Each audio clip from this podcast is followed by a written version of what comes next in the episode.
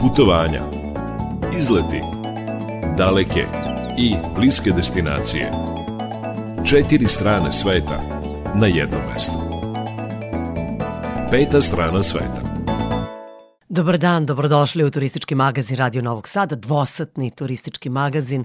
Dakle, do 18 časova smo sa vama, a danas ćemo vam preporučiti neke popularne turističke destinacije.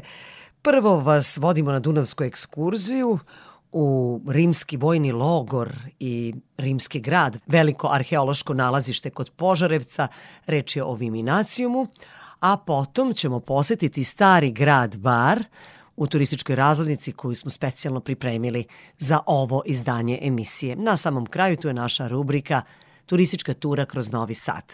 Muzički urednik biće Srđana Nikolić, majstor tona Aleksandar Sivić. Ja sam Irina Samopin, nadam se da ćete uživati uz Radio Novi Sad do 18 časova, kažem, do toliko traje naš turistički magazin. Dakle, naša prva tema biće Viminacijum. Uskoro o tome.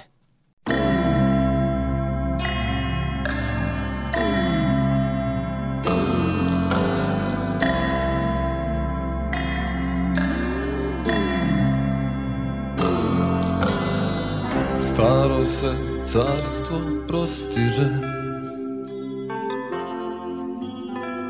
Od planina sa istoka. Od planina sa istoka Do štrih morskih hridina Gde stiže svetlost nebeska Gde stiže ljubav Božija.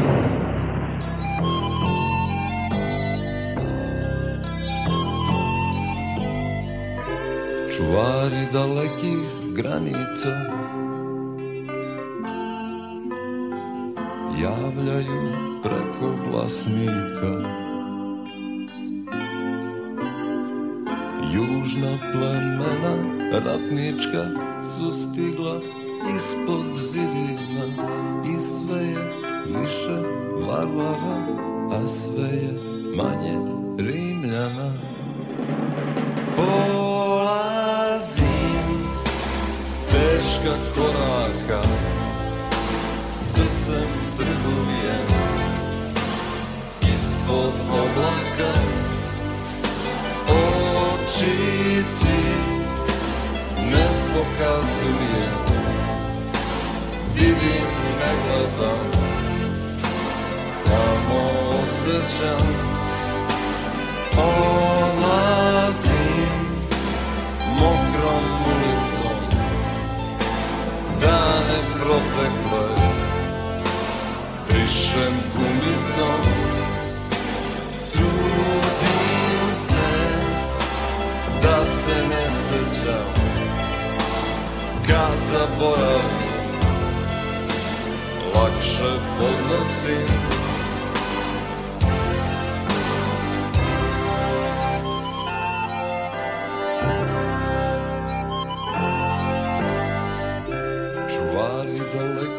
granica. Javljaju preko glasnika Južna plemena ratnička su stigla ispod zidina I sve je više varvara, a sve je manje rimljana. Oh teška koraka Srcem trguje Ispod oblaka. Oči ti ne pokazuje. Vidim, ne gledam Samo osjećam. Odlazim mokrom ulicom protekle. Rišem gumicom Trudim se da se ne sećam. Kad zaboravim Lakše podnosim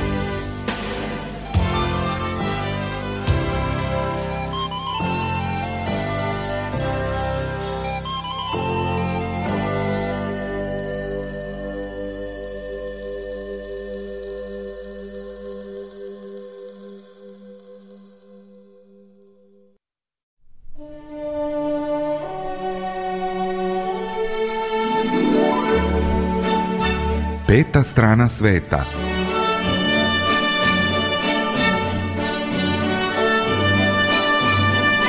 Na Dunavskoj ekskurziji.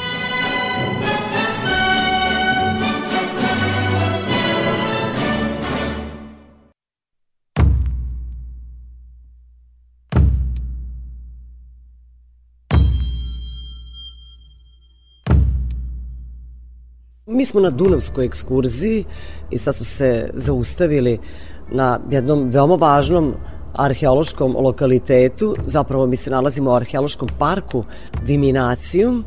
Nije to samo važno za Srbiju, nego za čitav svet. Tu je zapravo nekada, čak se ni ne zna tačno kada, postojao je rimski logor, pa onda i rimski grad, koji je bio glavni grad Gornje Mezije, odnosno rimske provincije. Ali taj grad je bio veoma važan i za čitavu rimsku imperiju tada. O svemu tome u petoj strani sveta slušate sada.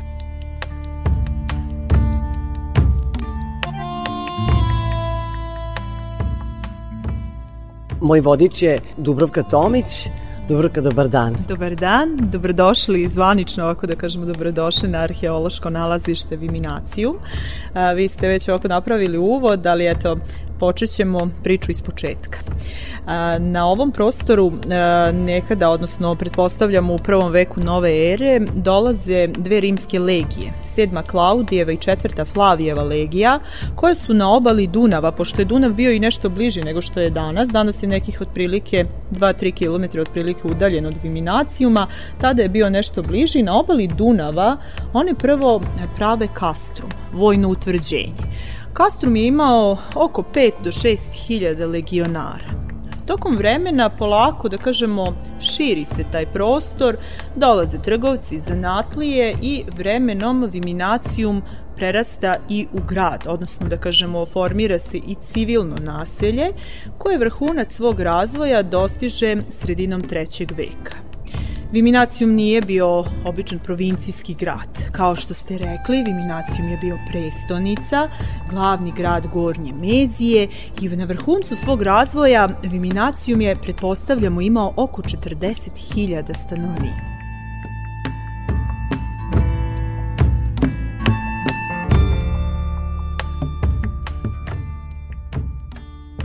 Sve ove oranice kojima ste došli do nas, vi ste u stvari prelazili preko ostataka jednog starog antičkog grada.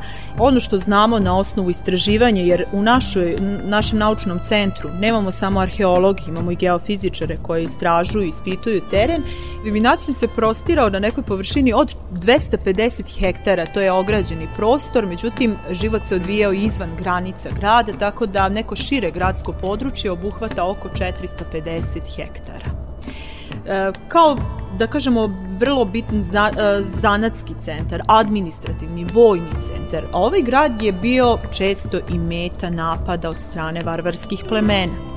Tog razloga, sredinom 5. veka ovde dolaze Huni, najezda Huna i oni su u stvari ti koji su razorili Viminaciju.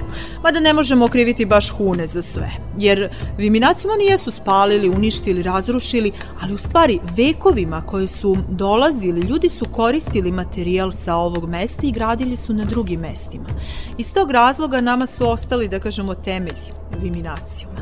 E, danas, da kažemo, kiš, kišovito, ali ovde obično duvaju vetrovi. I ti vetrovi su u stvari vekovima nanosili zemlju i prašinu koja je na neki način zatrpala grad.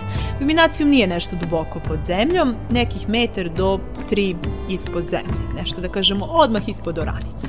Možemo onda da zaključimo da je Viminacijum živeo jedno šest vekova. 450 godina, da kažemo, jer mislimo da je prva decenija prvog veka, razrušen je sredinom petog, ali svakako i nakon tog perioda ljudi su pokušavali da ovde žive. Ono što je zanimljivo za ovaj grad jeste da na ovom prostoru nikada nije niklo novo naselje. Nemamo odgovor na to pitanje zašto je to tako, ali često arheolozi zovu ovo naselje drugom Pompejom jer iako je Pompeja naravno očuvana, e, Pepe je učinio svoje, da kažemo... Da, lava da. je prosto to skamenila građevine i Iz tog razloga sve možda nisu očuvano. razorili meštani iz okolnih naselja, nisu razrušili Pompeju. A, naš Viminacijum je doživeo drugačiju sudbinu da su ljudi razgrađivali te ostatke, ali ono što vam kažem, znači kompletan grad, znači leži ispod oranica. Nema ni jedne zgrade koja bi jednog dana sprečila da taj grad bude u potpunosti otkriven i iskopan. Naravno, potrebno je vreme za to, jer svakako u, u poslednjih 15 godina je iskopano nekih 3 do 5%, kažemo do 5% grada, ali je bitno da istaknemo da ovde radimo u kontinuitetu svakog dana jer istražujemo i prostor, odnosno naši arheolozi istražuju i prostor izvan zidina grada. Znači istovremeno istražuju i nekropolu, istražuju i akvadukt, vile koje se nalaze okolo. Znači radi se po principu prioritet. Svakako imamo i površinske kopove okolo, tako da uvek imamo neko senzacionalno otkriće i to ima prioritet da zaštitimo, da izmestimo na bezbednu lokaciju, pa onda nekada dešava se da, da neki poslovi malo sačekaju. Ali je bitno da istaknemo da smo stalno u poslu. Čuli ste Dubravku Tomić koja radi kao rukovodilac turističkog sektora u Viminacijumu. Ako ostanete uz Radio Novi Sad, vidjet ćete šta se sve krije ovde i šta je iskopano iz tog starog grada.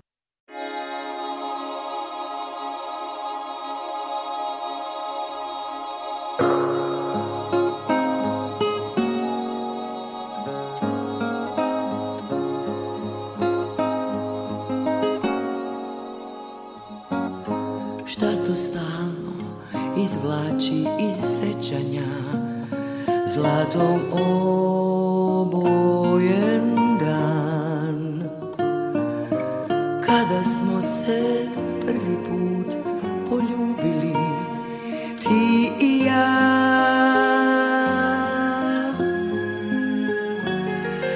Slučajni svedoci naše ljubavi dok otkucava sat poruke na zidu pune nežnosti. Ovaj stan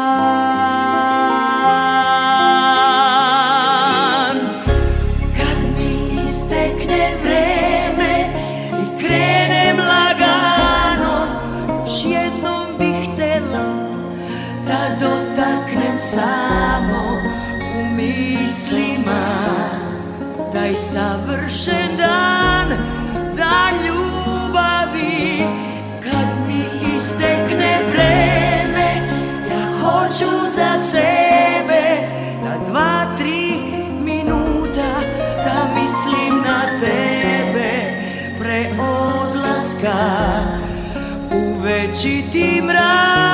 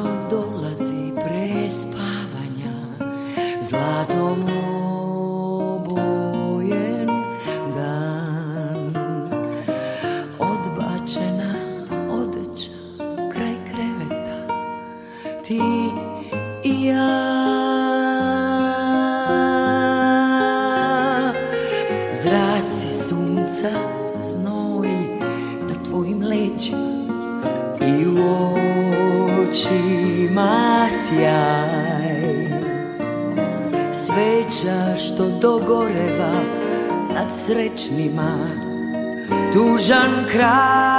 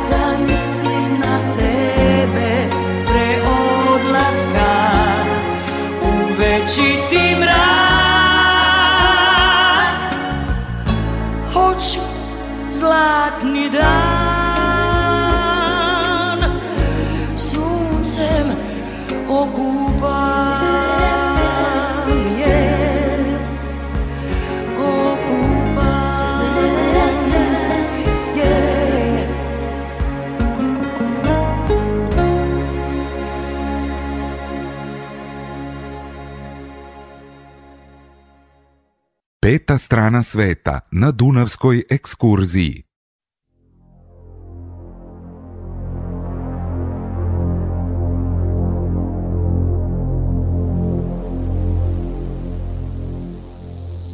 U nastavku priče o Viminacijumu, Dubrovka, objasnite nam šta su sve arheolozi otkrili i šta mogu posetioci da vide. Znači šta je to najvažnije što je do sada iskopano? Ono što naši gosti obično obilaze jeste mauzolej gde se mi trenutno nalazimo na, e, da kažemo, nekropoli rimskog grada, odnosno na nekropoli Viminacijuma. E, Nakon toga obići ćemo terme i amfiteatar da vidimo malo kako su uživali rimljani, kako su se borili, a onda idemo, ja volim da kažem, u moderni Viminaciju da prođete kroz naš naučno-istraživački centar i verujem tada naši gosti shvate zašto je Viminacijum postao arheološki san.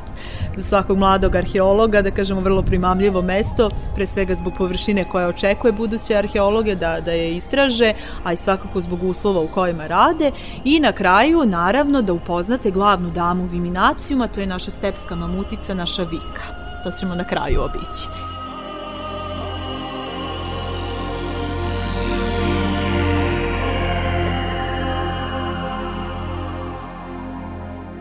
Sada, pošto se nalazimo ovde u mauzoleju, nekoliko reči o Da. tome.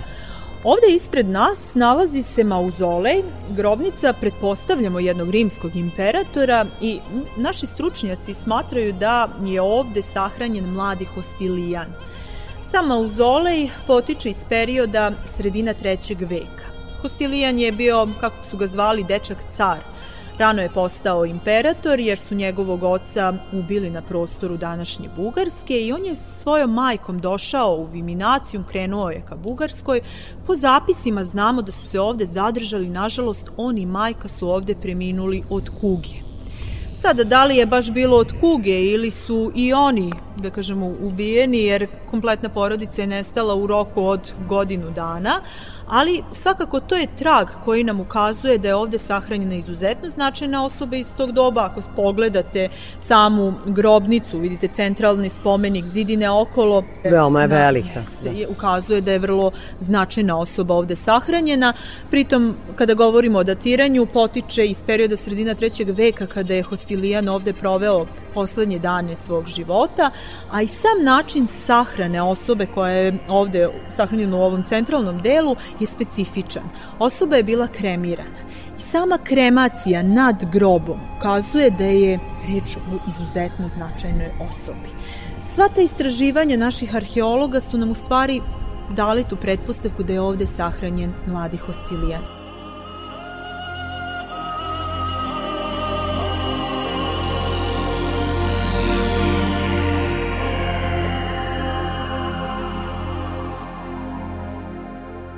A gde se čuvao pepeo te važne osobe? Kako vidite, ovo je deo uh, To je, spomenika. samo da opišemo slušalcima, to je jedna četvrtasta struktura, mislim veliko je to, a okolo se nalaze ne, ne, ne, neke pomoćne građevine koje ćete nam objasniti šta one znače. Ali evo samo da kažemo gde je pepeo bio pohranjen. Pepeo se nalazi, kada su naši arheolozi otvorili ovaj spomenik, centralni deo, U tom podzemnom delu su pronašli ostatke, pepeo, deliće kosti, uradili su analizu tih ostataka, tako i znaju da u stvari ti ostaci potiču iz perioda sredina trećeg veka.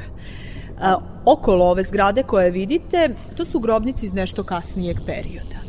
Grobnice su iz četvrtog, sredina petog veka, jer i na, nakon napada Huna život je da kažemo, pokušali su da nastave život na ovom prostoru. Ali A one su biti... mnogo manje, one su mnogo manje, što znači da su tu neke osobe koje su manje i važne. Već je tada grad bio suočen sa siromaštvom i sami vidite da su grobnice dosta jednostavne, napravljene uh, od opeke. Ali ono što je meni interesantno od našim gostima, oni čisto pitaju da li su ovo dečiji grobovi, jer su grobnice malih dimenzija. Bilo je dosta dečijih grobova. Nažalost, e, naši antropolozi su zaključili da je bila visoka stopa smrtnosti dece u tom periodu. Ali ni sami rimljani nisu bili previše, da kažemo, visoki. Bili su između 150 i 160 cm. Inače, postoji podatak da su ljudi nekada bili nižeg rasta. Da, tako da ovo nam je i dokaz, da kažemo, na neki način, ako pogledate grobnice,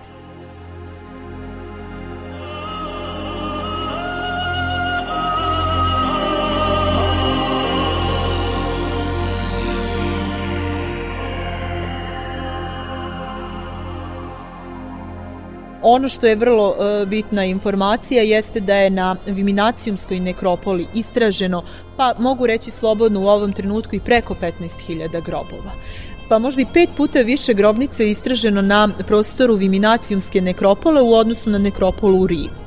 Možda smo i bolji od Rimljana, nismo sigurni, ali ono što je sigurno jeste da naša nekropola leži ispod oranica. To je ta naša prednost. Tako da možemo slobodno Takođe da postoji podatak da su te grobnice poharane Naravno, vekovima su ljudi odnosili sa ovog prostora pretpostavljamo i vredne stvari, a naravno i građevinski materijal koji su koristili. Ali ipak ostavili su nam ovu ciglu, da kažemo, tragove, da se uverimo da je njihova cigla bila kvalitetnija od naše, a Viminacijum je bio i važan zanatski centar. Na prostoru elektrane pronađen je veliki zanatski centar gde su proizvodili keramičke predmete i opeku koja je zaista vrhunska i kvalitetna. Inače, za restauraciju ipak malo da kažemo i popravimo ovo što smo pronašli da bi vi stvorili sliku kako je to izgledalo, koristimo materijal iz tog doba. Zato što imamo tih cigla, da kažem, u, u dovoljnoj količini. Pored ovih grobnica, ono što i vama i našim gostima pripremamo jeste uvek mala avantura kroz podzemni svet. Zajedno ćemo krenuti našim katakombama. Nastavit ćemo putovanje kroz Viminacijum, sa Dubrovkom Tomić, ali posle jedne pesme.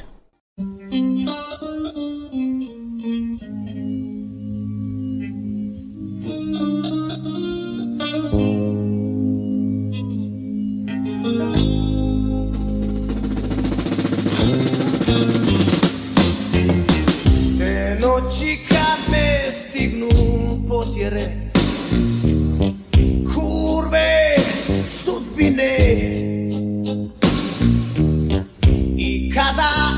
uđem iza ovoga Kao kod rodbine Kao zvijezda Padalica ko neki lijepi kaput mm, Sa dva lica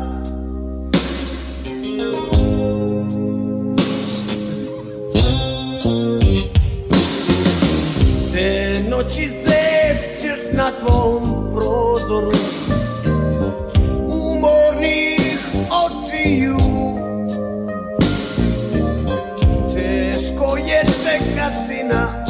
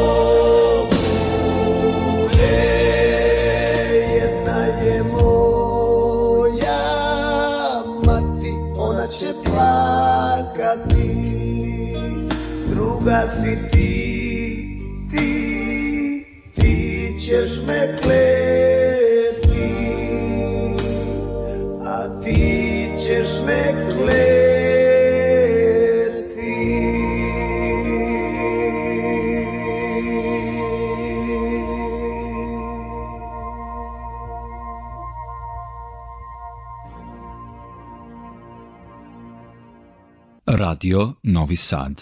Dunavska ekskurzija.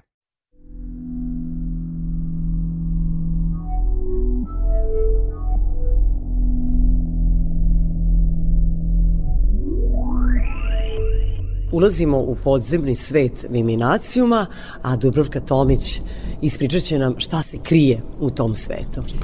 Pre svega bezbedni ste, ne brinite. Iako je mračno, veoma je mračno unutra. Svakako, o, ulazimo u podzemni svet gde su sakrivene, da kažemo, tri grobnice koje potiču iz perioda sredina četvrtog veka. Dve grobnice pretpostavljamo da su paganske na osnovu motiva koje se nalaze na freskama i jedna je hrišćanska. Redosled grobnica koje, koje su dolu u podzemnom svetu je sledeći. Znači, prvo vidjet ćete Kupidonovu grobnicu gde je oslikana raskoš, bogatstvo, paunovi, cveće, ptice, svakako vidjet ćete lepotu tih fresaka unutra. Druga je hrišćanska, na jednom zidu je naslikan Hristov monogram, glavni simbol hrišćanstva, naravno znak koji je doneo Konstantinu velikom pobedu. I poslednja grobnica, pa mogu reći najzanimljivija našim gostima, je grobnica mlade devojke koju su naši stručnjaci nazvali divinom ili rimskom monalizom. Inače, e, u toj grobnici pronađen je skelet devojke i skelet muškarca. Devojka je imala 23 godine, a muškarac oko 60.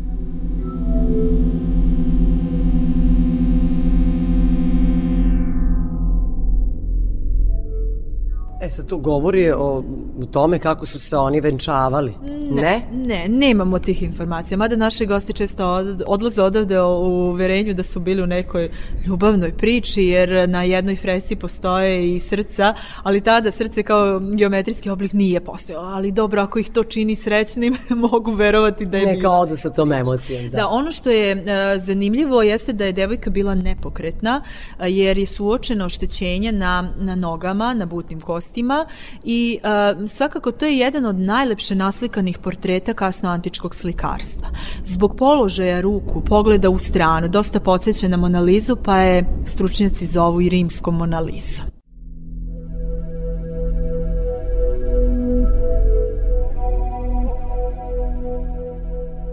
Idemo polako dole, ne brinite, nema Da. rupa, nema stepenika, A, morate da... morali smo o, ovaj razgovor da napravimo pre nego što smo ušli u podzemni svet, iako sam ja rekla na početku ulazimo u podzemni svet, zato što je zaista mračno i morat ćemo se malo poslužiti i baterijama na mobilnim telefonima. Dakle, sad ćemo da vidimo sve to o čemu je Dubrovka pričala, a onda se vraćamo na ostale zanimljivosti koje su važne da pomenemo ovde u antičkom gradu Viminaciju.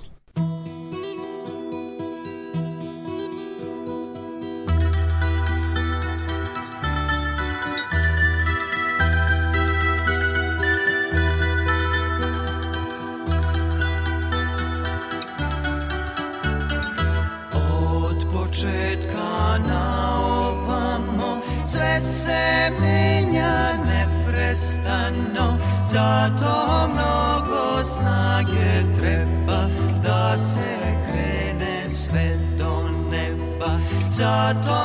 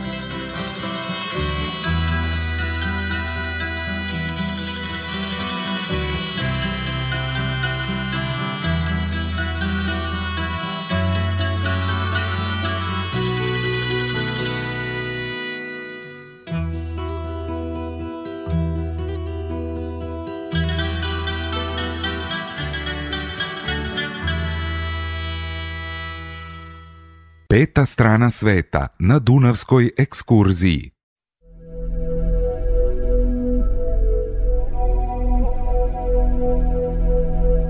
Probili smo se kroz dva mračna tunela i evo, ne znam sad da li ćete mi verovati, ali moram da kažem gde se nalazimo Dubravka i ja u grobu se nalazimo, bukvalno u grobu. Arheolozi su iskopali jednu rupu od ozdo ispod groba i mi smo sada u grobu.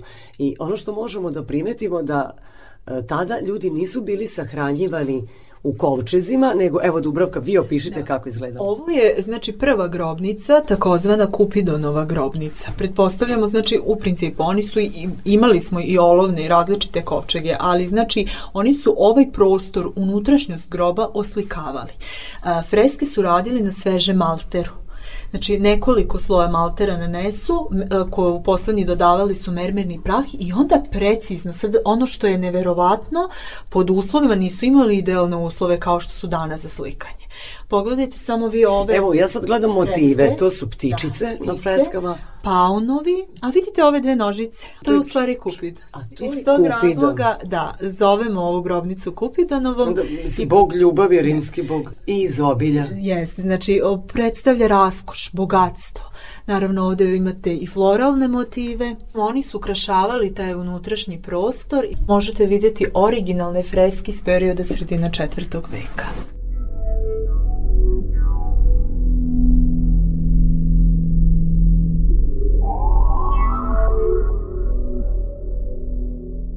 Iznenađenje, na što ću sledeće naići, ali evo sad smo bili u prvoj grobnici i izvlačimo se.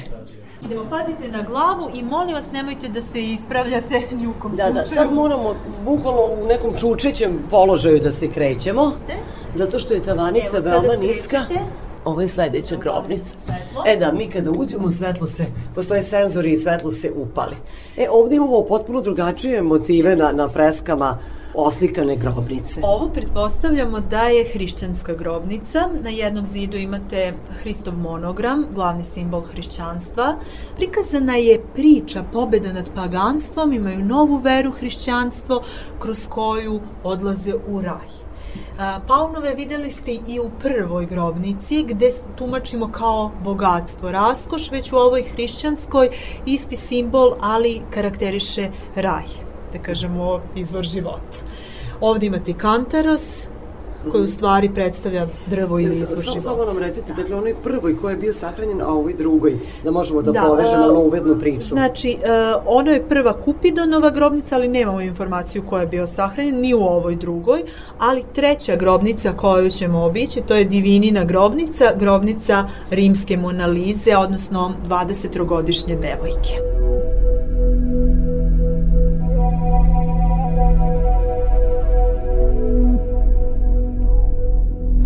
Pazite, molim vas, samo na glavu. Ja mislim da je napolju smak sveta. Napolju pada toliko kiša, ja ne znam da slušalci mogu da čuju to, to bučanje, to je kiša, to je teška kiša. Evo, ulazimo, evo, ovo je, divina. ovo je potpuno isto drugačije oslikano. Da li su te grobnice sve iz istog perioda? Pa, e, da kažemo, procenjujemo sredina četvrtog veka. Znači, to je neki period. Da, četvrti. zato što su veoma različiti motivi, svaka, svaka je posebna na svoj način. Ali u principu to je, da kažemo, neki procenjeni period. Opišite nam divininu grobnicu. Ovo je grobnica rimske Monalize. Kao što vidite na jednoj od čeonih strana nalazi se a, oslikan gornji torzalni deo devojke. Pretpostavljamo da je to devojke koja je ovde pronađena. Verujemo da je njena grobnica. Naravno vidite položaj ruku, pogled u stranu, zaista izuzetne lepote, iz tog razloga smo i dali ime divina, odnosno naši stručnjaci kao božanstvo. Preko puta nje, na drugoj čelnoj strani, nalazi se sluga koji prinosi ritualne hlebove kao darove bogovima, pretpostavljamo. A ono što smo pričali o... Dva Da, srca. dva srca. Pa moramo se razočarati. Vidite ovaj cveti, cvetić u uglu? To su stvari latice. Latice ruže, na Jest. primjer, da. A, ovde naravno sa, na bočnim stranama imate paunove. Gde se čuva divina, pošto imate... Nek svakako i u Narodnom muzeju u Požarevcu ove možete pogledati freske. Eto, ko je zara, zainteresovan može da, da vidi u Narodnom muzeju u Požarevcu nastavak priče. Jel izlazimo na ovu stranu? E, sad možete čujeti i grmljavinu. Zaista, bili smo u podzemnom svetu i sve je bilo veoma sablasno, a napolju je gotovo smak sveta koliko pada kiša. Ušli smo s jedne strane, izašli s druge. Ali to su sve čari eliminacijuma. Mi smo nekako baš dobili jedan specifičan ambijent za obilazak ovog prvog dela Jeste. nekropole, odnosno mauzoleja rimskog imperatora sa podzemnim svetom. E sad, gde ćemo dalje? Pokušat ćemo da stignemo do termi. A, da, sad treba u stvari da izađemo iz ovog objekta i da po toj kiši odemo do termi. Do termi i do amfiteatra.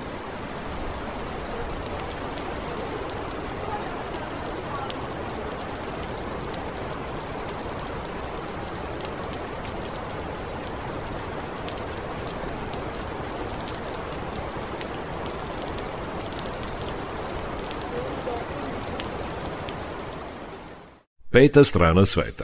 Dunavska ekskurzija.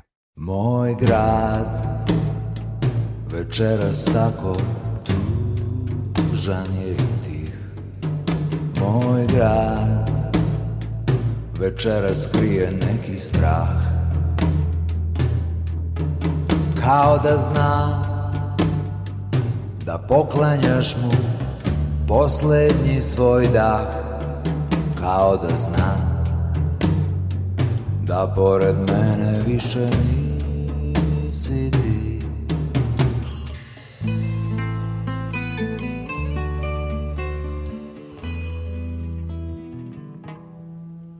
Ti znaš da jednom hteo sam da ceo ovaj svet. Ti znaš da možda mogao sam Molim se da ne zvuči grubo baš ni jedna moja reč. Molim se da samo za tebe nebo zvezdu da Da ti sklope sneme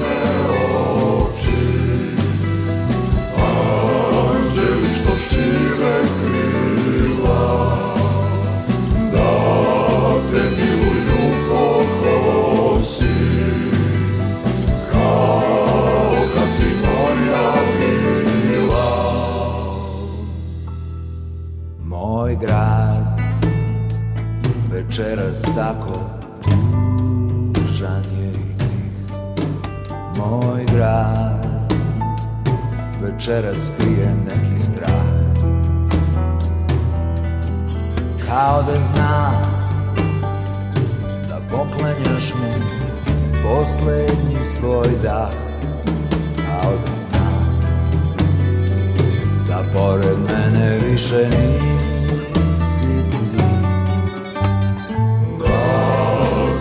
ti sklope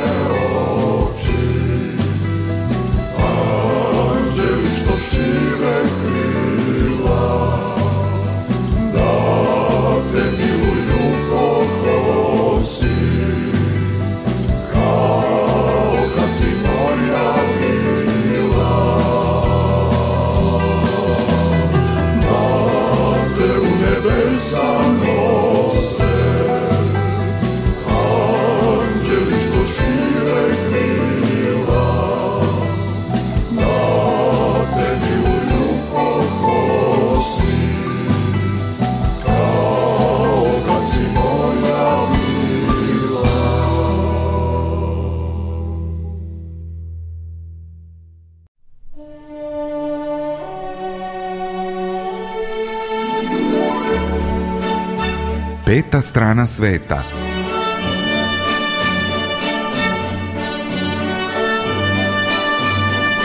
Na Dunavskoj ekskurziji.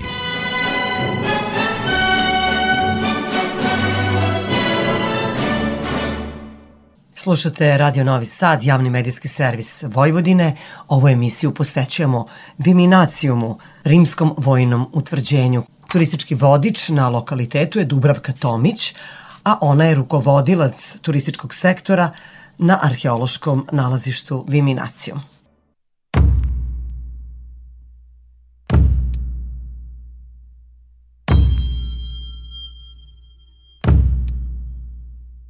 Stala je kiša, uspeli smo da, da, da se probijemo i da dođemo do rimskih termi i do amfiteatra, on je iza nas.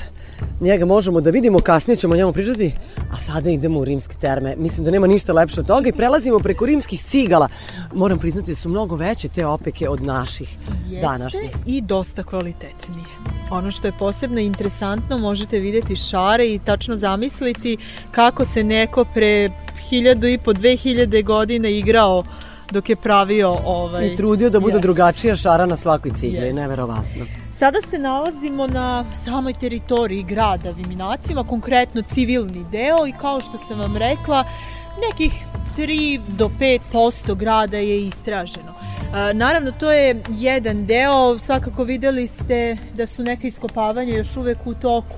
Videli smo dok smo dolazili. Jest. Do Dve ovog grupe lokaliteta. arheologa vredno rade na iskopavanju zidina kastruma vojnog utvrđenja. Još uvek nije uključeno u obilazak, ali svakako nadamo se da ćemo uskoro i to ponuditi našim posetiocima. Ovo su terme, gradsko kupatilo, Inače, ja moram istaći da je ovo da je ovde iskopan samo deo e, termi.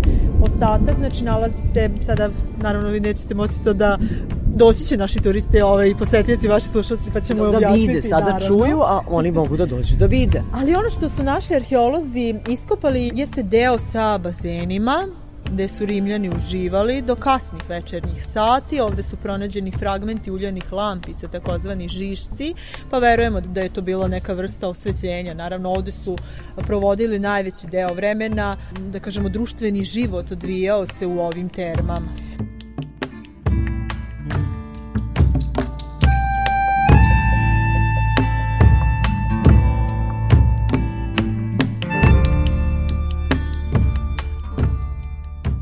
Kažu, kada biste Rimljanina pitali zašto se kupa jednom, svakog dana, on kaže zato što ne može da stigne da se okupa dva puta. Oni su toliko voleli da borave u termama, baš zbog toga što ste rekli da su vodili društveni život. Kakvih je još bilo aktivnosti ovde, osim kupanja i nege tela? Da, ovde svakako uh, u ovom centralnom delu pretpostavljamo da se odvijao taj društveni život, da kažemo razgovori, masaže, kao što ste rekli, nega tela, ali svakako i sklapanje bitnih dogovora. Znate, ovde je otkrivena i latrina, toalet. Kažu da najbitniji dogovori i zavere su u stvari skovane na tim mestima. A da li je to toalet koji sam videla u, u Efesu? Da oni svi zajedno sede na otvorima. Da. Dakle, to je javni toalet gde ljudi grupno ulaze, ni- ni- nisu razdvojeni WC-ovi, da tako kažem. Jeste, to je prostorija, znači gde imamo jedan kanal nad kojim nam, nam su naravno ostale samo ti donji delovi zidine, ovaj gde je, pretpostavljamo, znači iznad da su bile drvene klupe gde su ljudi mogli da uđu, da kažemo, i da razgovaraju i da obave sve što treba. I da sklope veoma važne I važne poslove. poslove, da. da. A ovde je bila i biblioteka. Gde se ona nalazila? Pa ja sada nemam baš informaciju ovaj ovde deo E, konkretno. Ne znam da li u tom Da. delu, ali sam pročitala da u, na tom lokalitetu gde su terme ili da ili e, da uopšte da je u tim javnim kupatilima da je bila i biblioteka. Verovatno jeste. Ono što sam rekla, za sada ja nemam baš preciznu informaciju. Svakako znamo da je na prostoru grada bilo, bilo i pozorište, da je bio i hipodrom, sve značajne bio, građevine. bio je dakle jedan da. veoma razvijen grad. Izuzetno. A kada je reč o javnim kupatilima, da li je ovo bilo jedino? Ili jedina terma Postavljamo ili... da ih je bilo još, ali za sada smo otkrili ove terme. Imamo pet kupatila, odnosno pet kada, kako bih rekla, bazena, a, od kojih je jedan bazen, znači sa o, suprotne strane preko puta u sredini, to je frigidarium, bazen sa hladnom vodom. Ovde imamo četiri bazena, to su bazeni sa mlakom i toplom vodom. Zbog cirkulacije, pretpostavljam. Ali ono što je meni posebno interesantno, obično dečice ekskurzija kada dođu, od njih sam čula ta pitanja, kažu, a kako vi znate da je baš tamo bila hladna, a ovde je bila mlaka ili baš topla voda? Dobro pitanje. Naravno, ovaj bazen, znači frigidarijum o kome vam pričam, jedini nema pozadi ove, da kažemo, mini građevine, odnosno ložište. Ovo što vidite sa ove strane, sa otvorom, to je u stvari ložište gde su ložili vatru i, I tu tako su zagrevali vodu. Ali glavna ložionica jeste ovde dole u dnu, vidite ova dva otvora, jeste donja građevina, ova kažem četvrtasta, tu su u stvari robovi ložili vatru. Kroz ona dva otvora je prolazio vreli, topli vreli vazduh i on je u stvari kružio podrumom. Vidite da su ispod poda koji je u visini onih ploča, četiri ploče, keramičke, ispod su ovi stubići. To je takozvani hipokaust. Hipokaustom je kružio taj vreli, topli vazduh i zagrevao je pod. U zidovima su bile keramičke cevčice, Znači da je bilo podno grejanje. Jeste, ali ne samo podno, jer su u zidovima bile keramičke cevčice, vidite na, na njihovom, da kažemo, improvizovanom podu, te cevčice su bile u zidovima i kroz zid je polako cirkulisao taj vreli vazduh, tako da je ovo bila sauna, spa To je možda neka preteča centralnog grejanja, ali nešto da, tako. Da, neverovatno je da kažemo da u tom periodu imali su vodovod, kanalizaciju. Vi ovde na fotografiji možete videti ostatke akvadukta. Kojim su dopremali Kako se grad čistu vodu. snabdevao vodom. Samo da kažemo da pričamo o viminacijumu od drugog do četvrtog Yes. veka, dakle tada su postojale te Te, terme. terme su e, izgrađene, pretpostavljamo, u drugom veku, uništene krajem, e, da kažemo, četvrtog veka, odnosno, pretpostavljamo da njih nisu razorili Huni, da su pre Huna ovde došli Goti Gepidi, germanska plemena koja su napala Viminaciju, da su oni razorili termi amfiteatar, a kasnije dolaze i Huni, koji su, da kažemo, potpuno razrušili Viminaciju.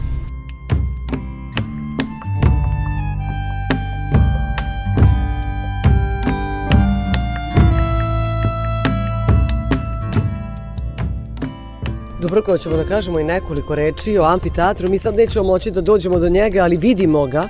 Da, obično sa e, našim e, posetiocima odemo do amfiteatra, prostor gde, gde je bio drugi vid zabave. Isto potiče iz perioda od drugog do četvrtog veka. Naravno, tu je bila nešto surovija zabava, e, borbe gladijatora. Ali njima je to bilo veoma interesantno. Da, da. Bila sam u Pulskoj areni i tada sam zaista dobila iscrpno objašnjenja i iscrpnu jednu priču sam čula o životu gladijatora. Oni nisu bili tako ugnjetavani u rimsko doba, oni su e, imali velike privilegije, posebno ako su pobeđivali u borbama. A kakvu vi priču e, na mestu amfiteatra pričate kažemo kao posetioci? Da, obično naša priča se bazira na, na samoj građevini, nemamo nešto previše podataka da, o e, borbama koje su tu bile, ali svakako znamo da je bilo dosta životinja, jer su pronašli ostatke divljih životinja. Čak pretpostavljamo gde je i prostor gde su, se, gde su one bile smeštene. E, ono što su još naši stručnjaci procenili da je naš amfiteatar primao oko 10.000 ljudi. Da, da je bilo 10.000 mesta i zapanjilo Od me... 7 do 10. Zapanjilo me kad sam pročitala da na osnovu broja mesta, sedišta u amfiteatru, e, može da se proceni koliko je ljudi živelo u Jest, gradu. jest, I onda ste vi iznali taj podatak. Pretos, oko 40.000, naravno ako uzmemo u obzir i kastrum, odnosno legionare. A, mi smo naravno e, rekonstruisali jednu trećinu amfiteatra i otvaranje, da kažemo, tog dela bilo je 2013. godine, jer u Viminacijumu je bila velika proslava godišnjice Milanskog edikta. Bilo je spektakularno, bili smo, imali smo operu Aidu, p- potpuno nestvaran događaj, niste mogli ni da zamislite, znači, e, da je to na, na da kažemo, poljima U poljima na, na antičkoj građevini jednoj.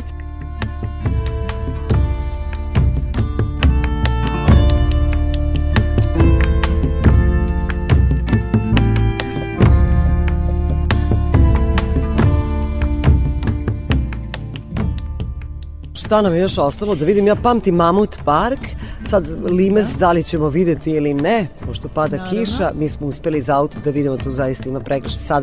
To je Posebno razlog više namenjenih da deci. dođete, zato što morate isprobati Avantura park i ove legionarske prepreke. Znate, svi oni bazeni, uh, sve one visinske prepreke koje vidite, to je u stvari napravljeno po uzoru na te uh, vežbe koje su radili legionari. Mi u stvari želimo da kroz te dečije kampove koje nam je cilj da, da kažemo da intenziviramo u Limes parku, da u stvari dečicu upoznamo kako su legionari živeli. Tako ćete ih zainteresovati, zainteresovati da se upoznaju sa istorijom. Naravno, kroz druženje, kroz zajednički rad, međusobnu pomoć, malo adrenalina. Evo, pošto smo završili sa razgledanjem antičkog viminacijuma, krećemo polako da se upoznamo sa životom naših arheologa, odnosno prostor gde oni žive i rade, da upoznamo moderni viminacijum, naš domus.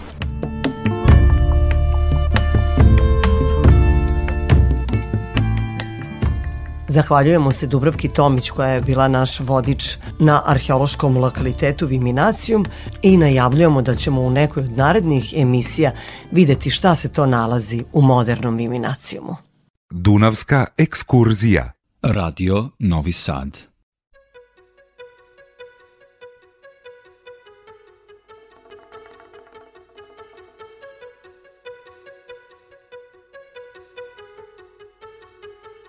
I kao da je bilo nekad.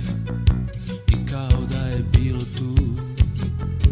Pod velikim svetlim suncem Pod velikim svetlim svodom Ručali smo meso Glodali smo kosti dobrih životinja. Mi imamo snage, mi imamo snage za još dan dan za noć Mi menjamo noć za dan. Mi menjamo dan za noć Mi menjamo noć za dan. Prolaze brodovi Trube u čast Zvone na uzbunu. Deca uče da plaču Deca uče da poznaju svoj glas.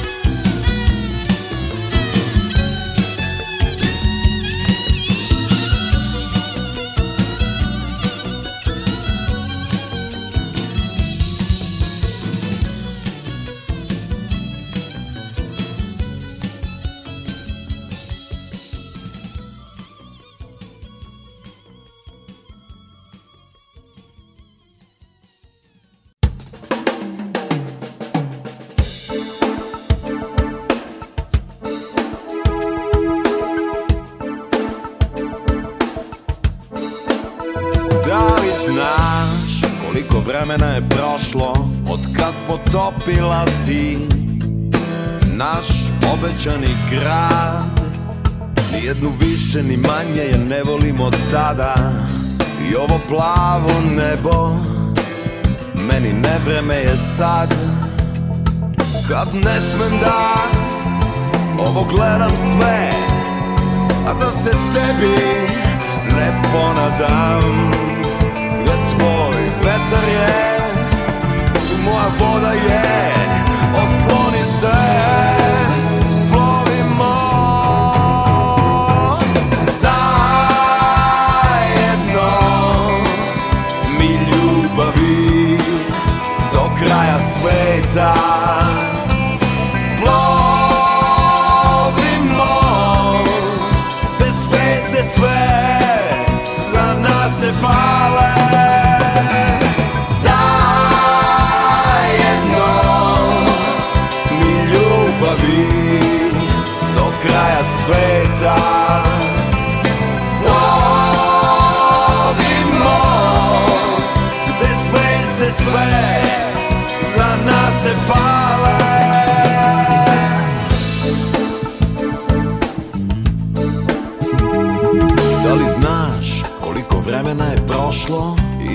dalje ćutimo Nedostaje nam reč. I zašto lutanje bude nam nadu da jednom Opet sretnemo se u lancu ljubavi? Ne, ne smem da ovo gledam sve A da se tebi ne ponadam.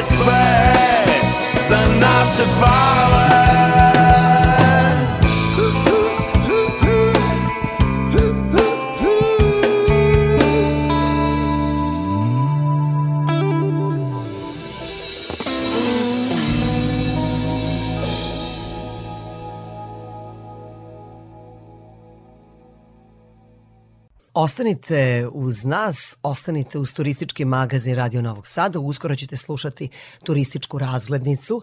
Govorit ćemo o starom gradu Baru.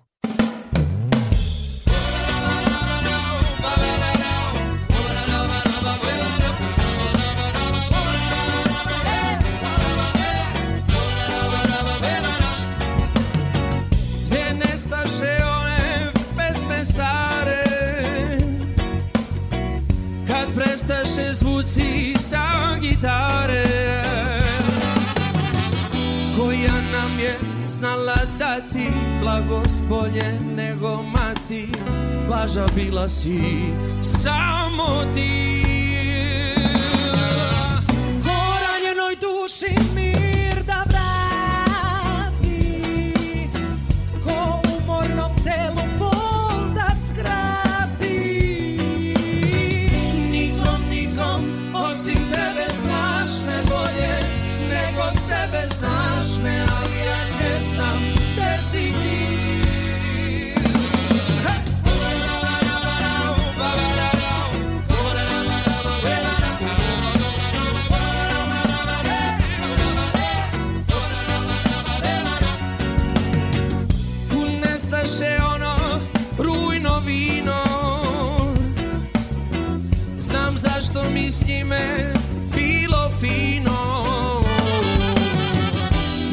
sreću da ti znalo Uvek kad mi bilo malo Bolje znala si. Samo ti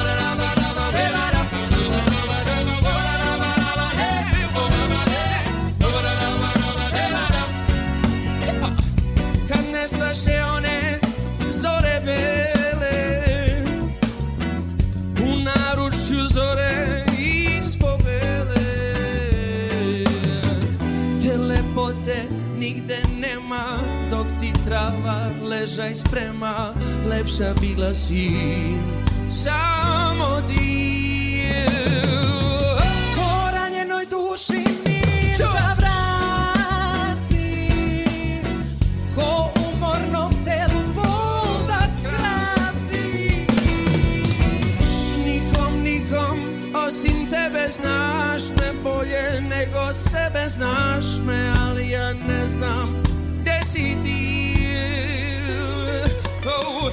Nikom, nikom osim tebe znaš me bolje nego sebe znaš me Ali ja ne znam gde si ti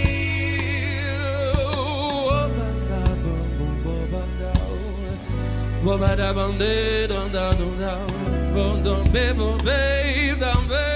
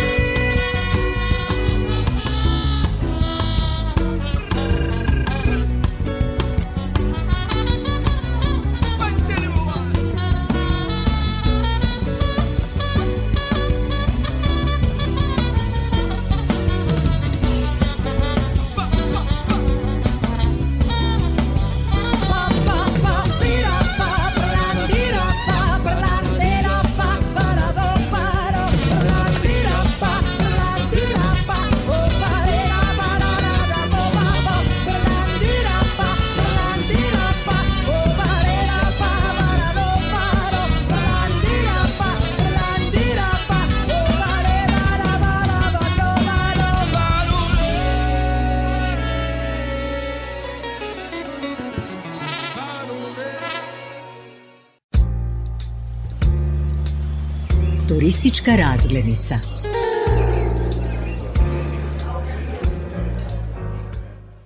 Došli smo u bar. Grad na Crnogorskom primorju specifičan po mnogo čemu, ali postoje tri bitne stvari. Tako bih rekla onima koji prvi put dolaze u ovaj lepi grad. U njemu se nalazi najveća tvrđava u Crnoj Gori.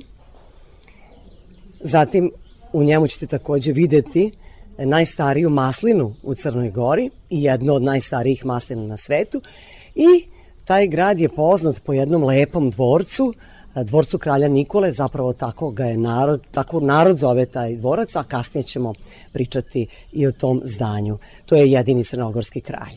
Eto, po tome za početak bar specifičan.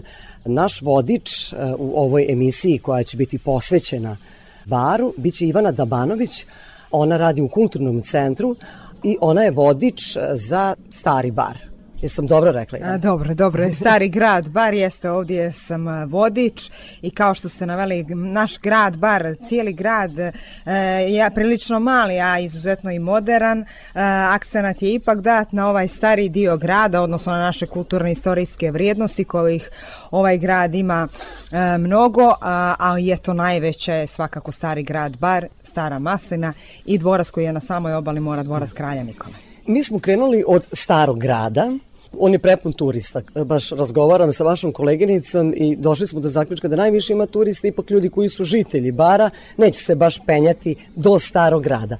Rekla sam penjati, jer šta je, šta je specifično?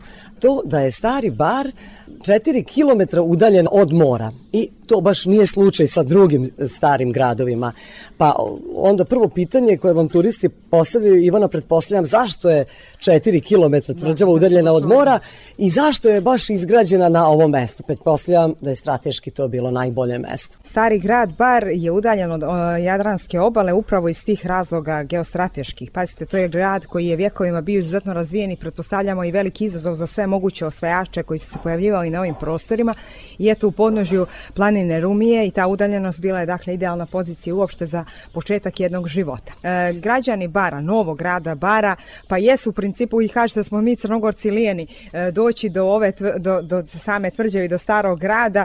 E, nije mnogo zahtjevno, ali nama koji smo tu pretpostavljamo da, da, da to ne predstavlja atrakciju koja svakako turistima jeste, kao što sam naglasila, najveća atrakcija našeg kompletnog grada Bara. E, mi smo kročili u u stari grad i sad odakle se kreće? Vi ste turistički vodič, pa kako počinjete priču? Šta se prvo gleda, gde se prvo ide? Što ovo je veoma veliki prostor, ne verujem da ćemo sve stići da obiđemo. E, Teško da ćemo stići, u pitanju je površina od 4 hektara gdje se cijeli grad e, prostirao i u, negdje u 15. vijeku je brojao preko 4000 stanovnika, prepun objekata. Danas, nažalost, samo pojedini objekti su obnovljeni. Sada smo na ulazu u stari grad, ali e, takođe i na izlazu. Dakle, ovo je ta polazna tačka, kapija grada koja je zvanično glavni ulaz u grad od e, vladavine Mletačke republike od 15. vijeka, kada su utvrdili današnje granice ovog starog grada koje možete vidjeti. Baš sam to i htjela da kažem, jer na, na tom glavnom ula, iznad glavnog ulaza vidimo venecijansko glava. Tako je, grad, jako sam pomenula da prva utvrđenja potiču iz 8. vijeka, naravno to je jako bilo teško očuvati i danas prosto nije to e, vidljivo turistima i posjetiocima, ali te kako veliki utisak ostavljaju e, ti simboli srednjovjekovni kao što su lav Svetog Marka iz vremena vladavine Mletačke republike i naravno iz, iz perioda vladavine Osmanskog carstva. To su u stvari posljednji tragovi tako da kažemo osvajača koji su boravili ovdje i tako da su oni najupečatljiviji u starom gradu. Ima pojedinih objekata koji su baš u duhu gotike i renesanse venecijanske. Ima takođe e, i, i objekata koji odišu orijentom. Stari grad bar je inače jedan kompletni miks, tako da kažemo, Oni narodi koji su vladali ovim prostorima, oni su dograđivali tvrđavu i svako je nešto svoje Jasno, uneo. Jasno, zato je teško i utvrditi uopšte i namjene nekih objekata, jer prosto to, te promjene su se dešavale na svakih deset godina e, razni osvajači, pa unutar jedne dinastije pa nije bilo sve jednako, tako da stari vjekovima je građen e, i do, do ove finalne faze, odnosno da kažemo, evo grad je i napušten, o, em, recimo da nam je ostalo i da čuvamo samo najljepše i nekako najreprezentativnije objekte smo i obnovili.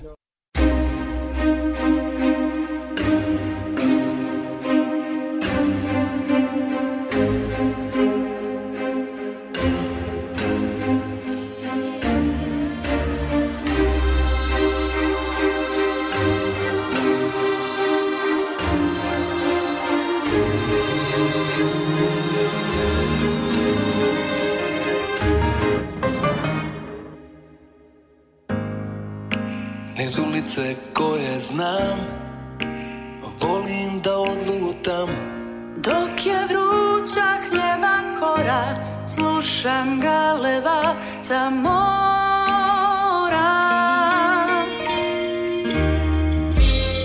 Milije mi ništa nije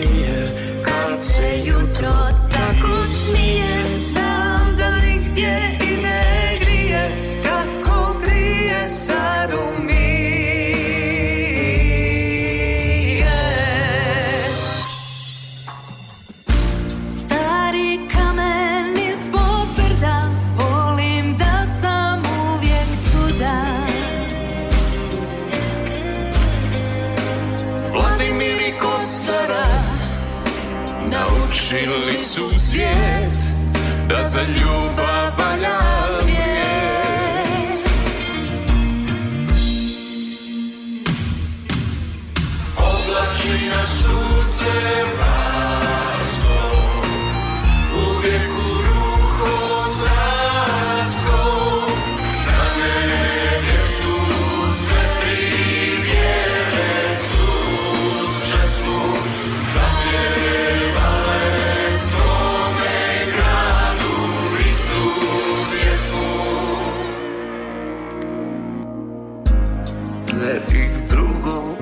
ništa htio Tu bih more uvijek bio Masline kad zazelene, sve su duše umivene.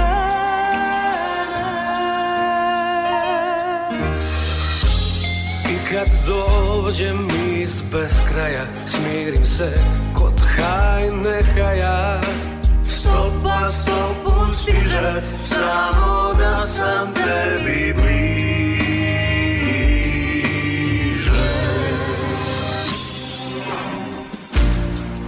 Uspomene stare nove Love mi kroz snove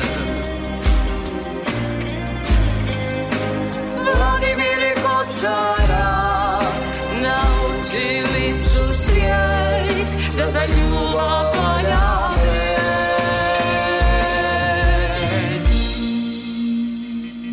Oblači na sunce baško, uvijek u ruho sarsko.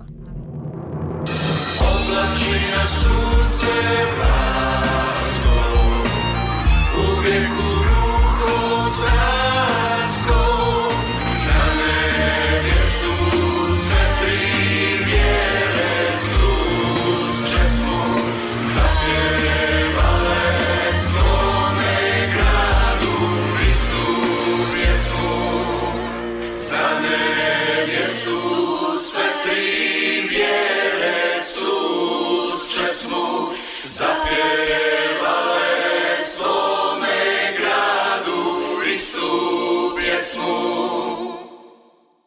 Peta strana sveta.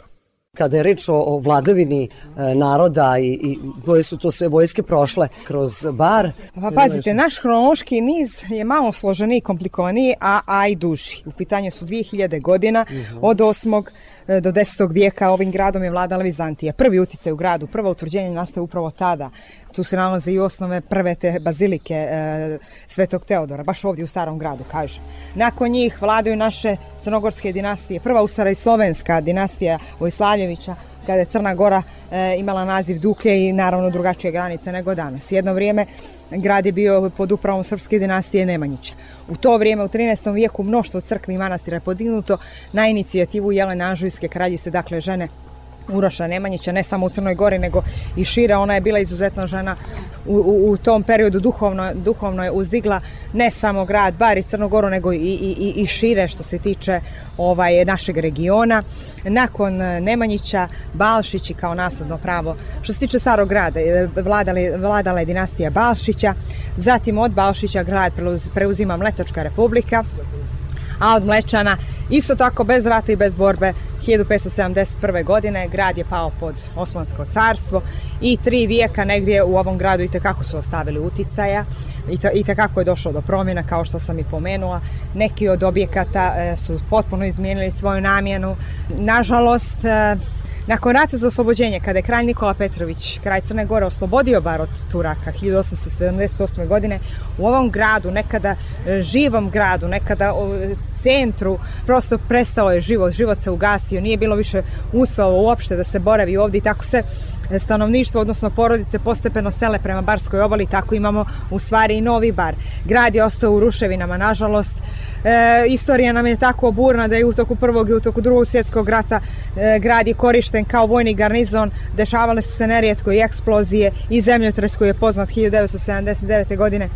Kažu da je tada baš dosta stradala. Jeste, zemljotres ga je dokrajčio, tako se može reći totalno grad neki bez nada, uopšte nezamislivo je tada bilo da će on jednog dana dostići ovu slavu u smislu e, atrakcije turističke ali e, velikim naporima postepeno kroz nekoliko faza obnove eto on je zaživio tako da kažemo jako ovako u ruševinama i dalje se osjeća taj duh života koji je bio vjekovima ovdje u gradu jeste nenaseljen dakle nema stanovnika ali te kako imamo turista da. i time se ponosimo da. Evo, ovdje ćemo prekinuti razgovor, samo da podsjeti slušalac Radio Novog Sada, turističkog magazina Peta strana sveta. Moja sagovornica je Ivana Dabanović i ona je naš turistički vodič u starom gradu u Baru.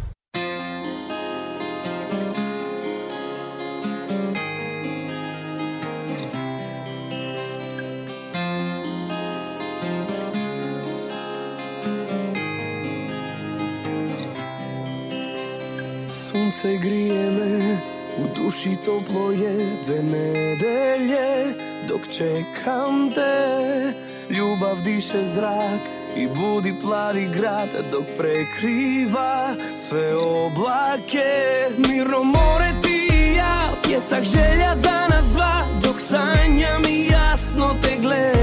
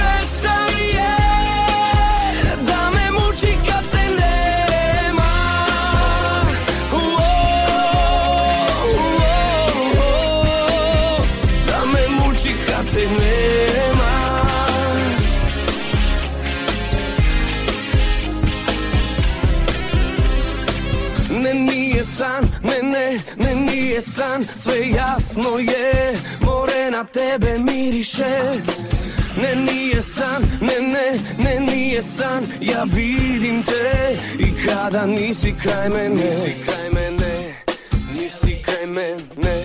Ne ne ne ne ne, nisi kraj mene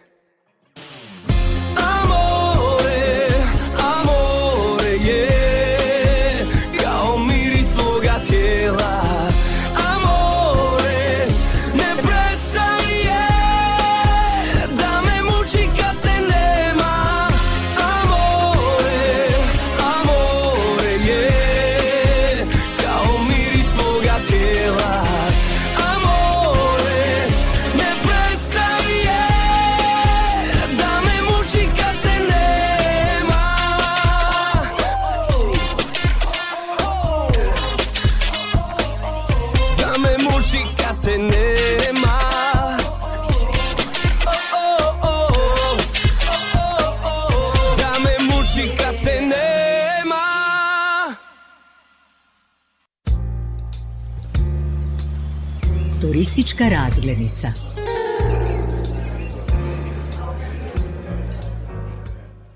Prolazimo pored e, teatra, ovdje i piše Barutana Lapidarium, to je E, pretpostavljam nešto drugo. Da.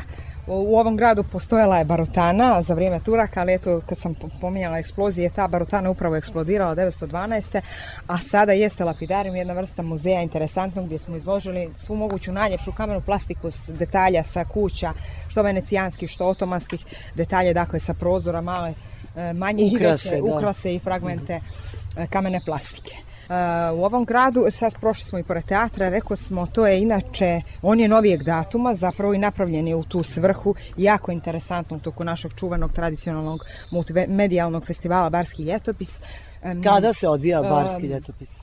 Polovina jula, polovina avgusta, o, tako nekih mjesec dana, 30 do 40 dana traju e, programi i sadržaj e, tog festivala, a nešto od toga najčešće pozorišne predstave održavaju se upravo ovdje jer je interesantno u ovom uglu, e, efektno je i, i neobično e, na otvorenom E, tako da ne samo i e, pozorišne predstave, već i neki koncerti, književne večeri, uglavnom taj ko- e, prostor se koristi u tu svrhu. Dakle, ovdje se odvija kulturni život e, grada. Da, da, i tekako. Koji je... Pozorišna predstava, ali ima još nekih drugih, možda performansa nekih, jer ova tvrđava je dušu dala za, Tako je, ra- za jest. umetnike. Pored nekih interesantnih obnovljenih e, objekata za turiste, kao što su imaju i ostaci crkve, evo sad prolazimo pored ogromnog manastirskog kompleksa Mhm. Sveti Nikola Franjevačkog manastira, koji smo baš, baš Jelena Anžujska je inicijator e, sagradnje ovog manastira. Ima još e, pojedinih objekata, recimo iz turskog perioda, hamam, citadela grada kao vojno-odbrambeni sistem. E, u južnom dijelu grada imamo i episkopsku palatu koja je obnovljena, a eto sada, baš da kažem, što se tiče tih kulturnih sadržaja, ona je idealna jer smo je mi adaptirali u jednu arheološku postavku gdje smo izložili sav mogući materijal iz starog grada, a i iz opštine Bar, hronološki naravno od praistorije, finalno sa ovim posljednjim oslobođenjem Bara od Turaka. Također, Venecijanska palata, jedno najljepše zdanje, definitivno venecijansko, sada ćemo upravo proći pored nje, je nekada bila privatna kuća u ovom gradu. Isključivo su živjele plemičke porodice i takozvani venecijanski patricijat. Kasnije naravno neka vjerovatno poštovana turska porodica. Venecijanska palata je obnovljena, onako vjerodostojno kako je i bila, a malo je zahtjevno ići ovuda, zato smo Da, možda da, da, zadihani smo zadihani. to je, to je dobro za radio, slikovito je, tako i slušalci mogu da steknu utisak tako je, šta kako mi je, radimo. da, da, da, upravo Evo, tako. samo da kažem, Venecijanska palata nam se ukazuje kada prođemo crku Svetog Jovana, onda ona Crkva Svetog Jovana inače Bljesne u svom jedina staju, da. pravoslavna crkva u starom gradu Baru. E sad ćemo da ponovimo tu informaciju, ali sam, prešla sam preko vaših reči. Dakle, crkva Svetog Jovana je jedina pravoslavna pravoslavna. crkva u starom gradu sada obnovljena 1927. godine, a takođe potiče iz 13. vijeka kao i ostale crkve. Dakle, ona radi i vernici Da, mogu da, da, da, da, da. dolaze. Službe se odvijaju. Tako je. A Venecijanska palata, pored nje krasi ovaj mali trg iza nas. Njena svrha sada je kao kreativni pub gdje se održavaju i razne kreativne radionice, u, vajarstva, slikarstva i tako dalje i ne, nešto od programa ili tipa neke prezentacije upravo se ona je u, i, i unutrašnjosti adaptirana potpuno i uslovna za korišćenje. Jel možemo sada da uđemo u Venecijansku? Mislim da ne možemo. Mislim da ne možemo jer moguće da i vikendom sinoć su imali neki program. Ne znam da li, je, i, da li ima uopšte nekoga tu. Evo, Evo, mi ćemo da pokucat ćemo. Nema. Nema, zaključano. nema, vjerovatno su ostali do kasno, a nama I crnogorcima onda i, će- podne je Da, da. rano. I onda će kasno i da odključaju vrata, da. Moguće i E. da tek popodne imaju neki program i iz tog razloga sada je zaključano.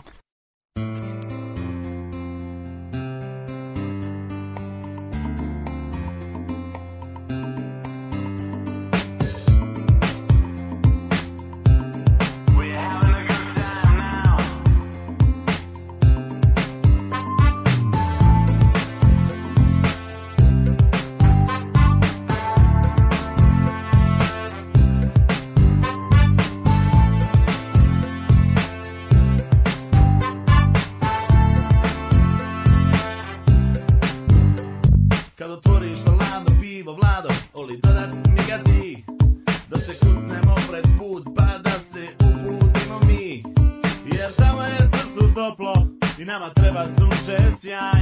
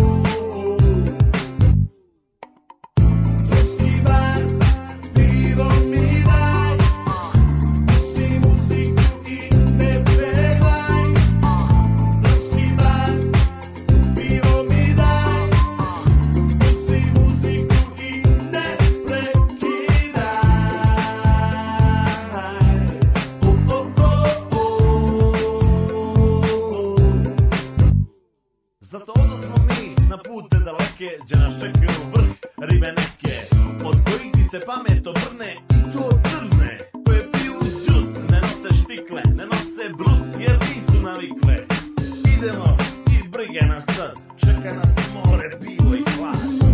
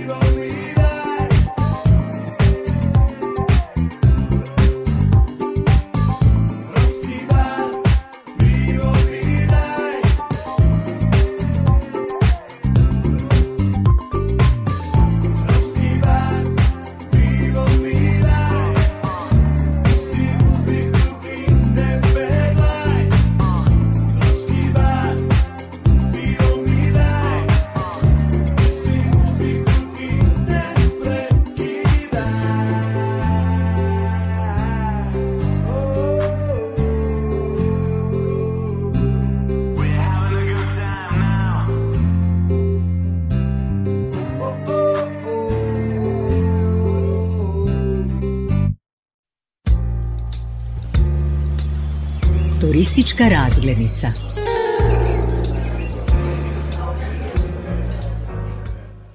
Dok se šetamo kroz stari grad u Baru, koji podsjećam se nalazi 4 km od Novog Bara, udaljen je ipak treba se potruditi i doći do, do ove lokacije, ali to turisti rado čine, jer je ovo svakako nezaobilazna tačka ukoliko svratite, treba da vidite i da saznate sve o istoriji na ovim prostorima. Moj turistički vodič je Ivana Dabanović, ona radi u kulturnom centru, ali je turistički vodič baš za stari bar. Ivana, ja sam naišla na neki podatak da je ostalo očuvanih 240 objekata ovde u starom gradu. I sad kojim vi podacima raspoložete? Sad smo doznali kakvih ima značajnih objekata, ali šta još možete dodati? Grad je, eto da se vežemo za taj 15. i 16. vijek bio prepun i crkvi, i palata, privatnih kuća, dakle nekih javnih zgrada tipa sudova. Kao što sam naglasila, mali broj objekata je obnovljen, nekako najreprezentativniji da, koji bi se bilo morali... ih je nekad A 240. bilo ih je svakako da ih je bilo na toj površini, a eto imamo neke grafičke prikaze, idejne rekonstrukcije grada, kako koliko je grad izgledao, izgrađen. To, to, to su bili i visoki, dosta visoki objekti na jedan ili dva sprata. Nezamislivo je sad, teško je dočarati jer je sve nekako pod otvorenim nebom e, i teško je zamisliti da je ovaj grad nalik Dubrovniku, nalik Kotoru, isto sa onim uskim uličicama. Jeste, bio. pošto je stvarno poprilično razrušen, ali može da se stekne slika. Da, da, da. Što se tiče objekata, kao što sam i ranije pomenula, obnovljeni su najreprezentativniji onako t- iz tih raznih perioda. Može se udovoljiti svačijem ukusu, bilo da, da, da neko uživa u stilovima orijenta, bilo da uživa u gotici ili renesansi, e, ovaj grad ima šta da pokaže, a opet pored toga bih naglasila, jeste u ovom svom kamenu, možda i u ruševinama, i tekako veliku zahvalnost dugujemo i ovom rastinju i vegetaciji primorskoj ko, koja je ukrasila sve ove objekte oko nas, e, razni tipovi drveća, bršljani uz zidove, svi su oni ukrasi koji i tekako, i tekako mame pažnju i pozitivne utiske, naročito stranaca, koji, koji obilaze grad. Svi oni koji planiraju da dođu u bar o, o, ove godine treba da znaju da je poskupela cena ulaznice. Sada je 3 evra ulaz za odrasle, jel? A što se tiče dječjih ulaznica, cijena, cijena se nije menjala, dakle to je 1 euro, a jeste e, cijena za odrasle sa 2 eura poskupila je na 3 eura. Iskrena da budem, e, ne da je moje lično mišljenje, to je mišljenje svih nas da ovaj grad zavređuje tu cijenu, odnosno e, sa, sa, mogu slobodno reći da smo ga obezvređivali cijenom od 2 eura, a ne to što to je naše mi, lično mišljenje, to je mišljenje i stranaca koji vjerujte nisu mogli čudo da se načudi da po tom cijenom a, mi imamo ovoliko da ponudimo da se vidi. Kada je stari grad otvoren za posetioce? Tokom cijele godine stari grad bar je otvoren, a što se tiče ljetnje sezone od 8 sati ujutro do 20-21 čas. Ivana, htjeli ste da mi pokažete sad gde ćemo mi posle starog grada ići? Definitivno simbol našeg grada su masline, odnosno maslina. Ne samo da možemo se pohvalimo i tim mirom od tri vjeroispovijesti koje, koje imaju u gradu Baro, naročito u ovom dijelu grada Bara, to je mir, svakako maslina simbolizuje mir i ići ćemo na Mirovicu, tako se i zove naselje gdje se nalazi e, jedno od najstarijih stabala masline ne samo u Baru, nego i na svijetu. E, gdje god da se pružite pogled oko starog grada Bara, vidite mnogo, mnogo stabala masline. Konkretno ispred nas je maslinjak Džiđarin, uređen maslinjak koji pripada naravno porodicama koje se bave maslinarstvom. Vjekovima je to i tradicija u našem gradu Baru preko 10.000 stabala broji ovaj maslinjak i to ne, ne, ne mladih maslina, izuzetno su i one stare. I to nije jedini maslinjak Naravno, u baru. pa gdje god da se okrenete, da. ovaj masline su nezaobilazne. Podsjećam, moj turistički vodič je Ivana Dabanović. Peta strana sveta.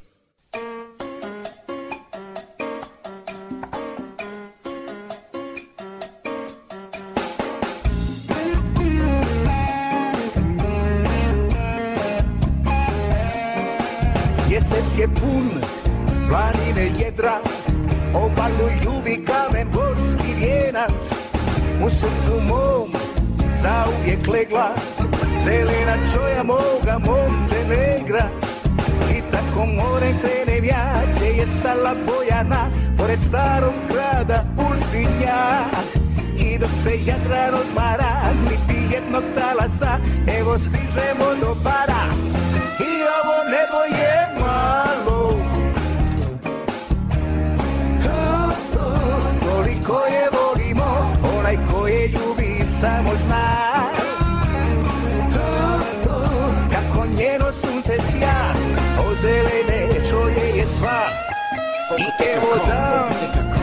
Rumena zora Plavetno nebo iznad suto mora.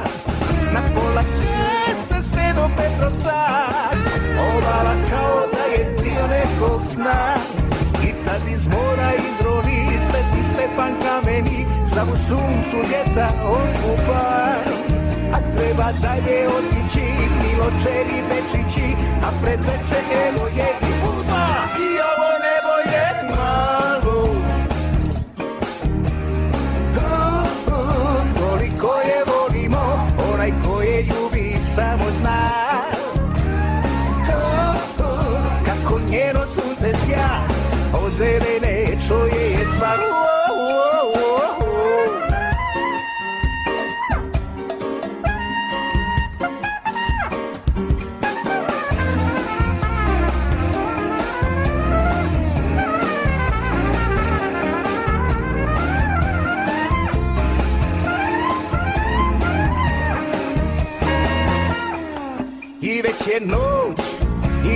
dalje. Gore na nebu zvijezde skupile se sve. U srcu mom zauvijek legla Zelena čoja moga Montenegra I evo boka kotorska Nevjesta od Jadrana Rasula se svjetla pivatska I pored starog motora Gdje se lovše umiva Stižemo u Herceg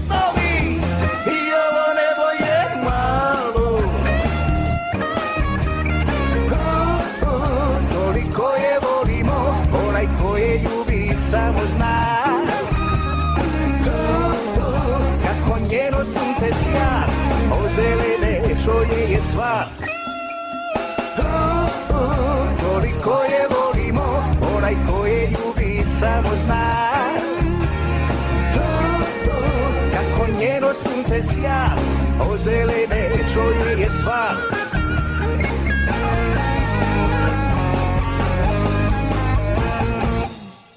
Radio Novi Sad. Ostanite uz turistički magazin Radio Novog Sada, uskoro će naša rubrika Turistička tura kroz Novi Sad.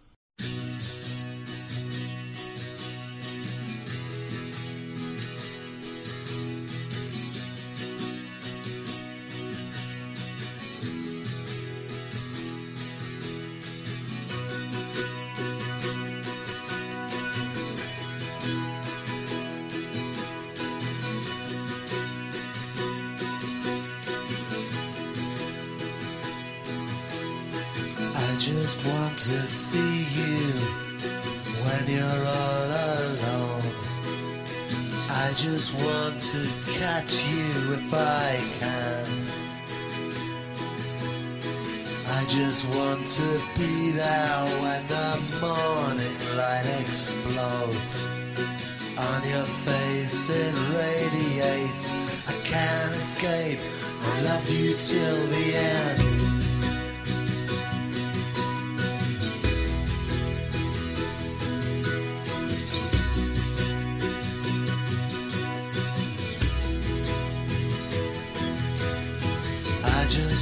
To tell you nothing you don't want to hear.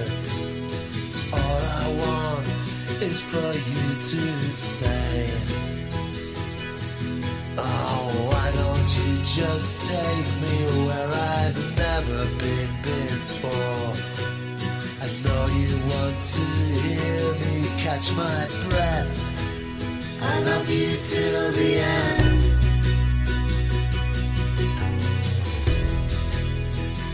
do till the end.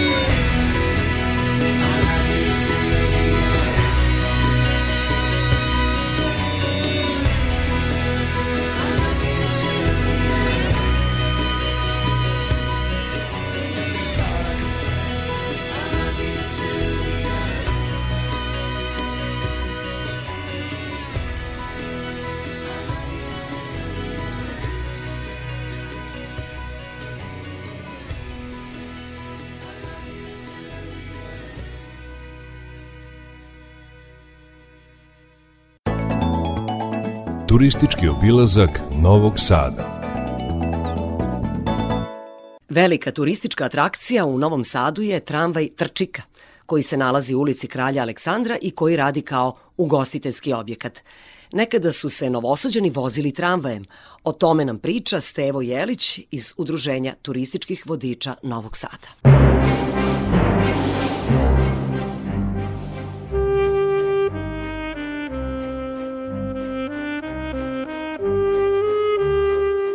To je stari tramvaj koji se vozio nekad no- u Novi Sad. Mi danas nemamo, nažalost, ja uvijek kažem nažalost, jer Novi Sad je idealan grad za tramvajsku liniju. Mi nemamo tramvajsku liniju. Do 1956. je bila tramvajska linija ovde. Posle drugog svjetskog rata jednostavno tadašnje vlasti su odlučile da Novi Sad ne treba tra- tramvaj i sve su šine poskidali, ukinuli i uveli su znači, autobuski saobraćaj kakav mi dan danas imamo. Ja sam dosta puta čitao da su bile raznorazne inicijative znači, da se ponovo uvede tramvajski saobraćaj ovde u našem gradu, jer kažem, mi imamo tako široke ulice, tako široke bulevare da je šteta što nemamo takav jedan vid saobraćaja koji je čist ekološki da kažemo. Inače Trčika ga zovu dan danas zato što u to vreme mogli ste malo da potrčite pa da ga stignete. Znači tako je sporo išao u ulicama Novog Sada.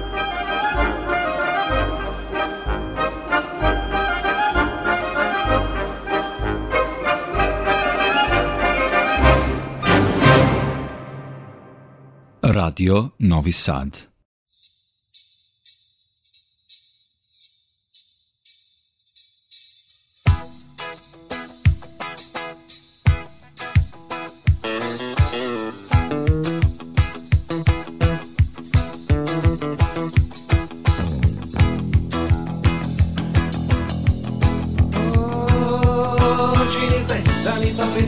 Bajke, čak ni plaž A ovo nije dobar Romeo i uvijek to znaš. O, Ja nemam ni zmaja, nemam bijelo konja, nemam mač. Ni iza sedam gora, iza sedam mora, ništa baš.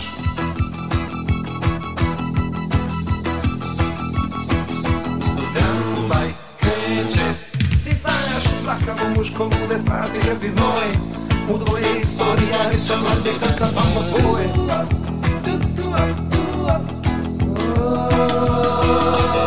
Danas od četiri, šest i osam tvoj junak Kine i zadnji dan tvoje ime žaruće u mrak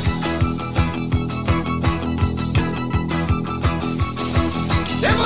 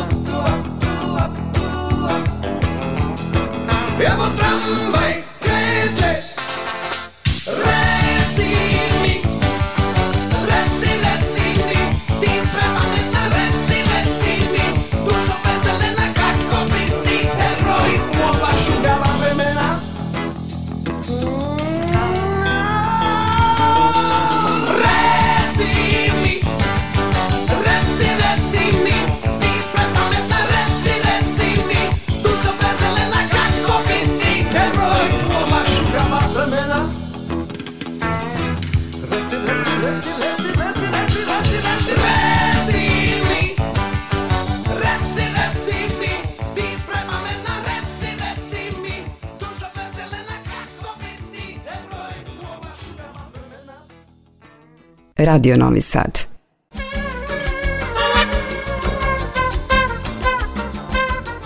Bilo je to sve, poštovani slušalci, što smo vam pripremili u ovom izdanju turističkog magazina Peta strana sveta.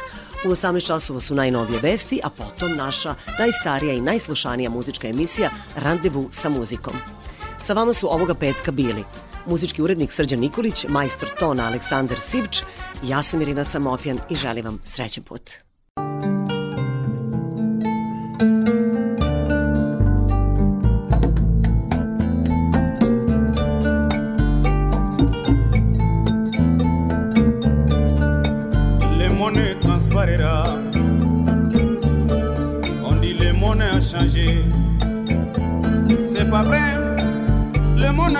longe.